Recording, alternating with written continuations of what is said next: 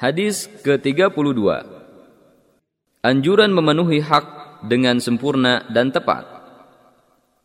عن جابر بن عبد الله رضي الله عنهما قال قال رسول الله صلى الله عليه وسلم اذا وزنتم فارجحوا Dari Jabir bin Abdullah radhiyallahu anhuma berkata, Rasulullah shallallahu alaihi wasallam bersabda, "Jika kalian menakar, maka lakukanlah dengan tepat atau dengan pas."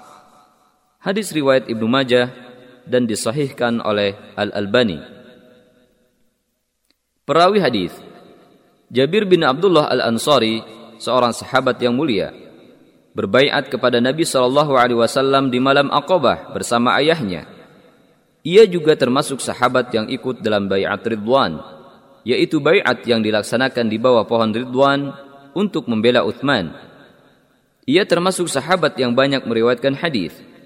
Hadis yang diriwayatkannya ada 1540 hadis.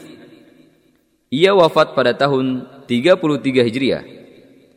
Ia wafat pada tahun 73 Hijriah. Dan ada pendapat yang mengatakan bahwa ia meninggal dunia sebelum tahun itu. Beberapa faedah hadis ini adalah orang mukmin yang selalu bersama Allah yaitu yang berkarakter adil dan tegas.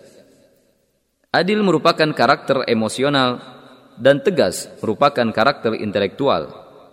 Juga menghindari sifat tatrif, yaitu menuntut pemenuhan haknya dari orang lain dalam takaran atau timbangan, serta mengurangi atau merugikan ketika menakar atau menimbang hak-hak orang lain. Hendaknya seorang muslim bersikap lapang dada.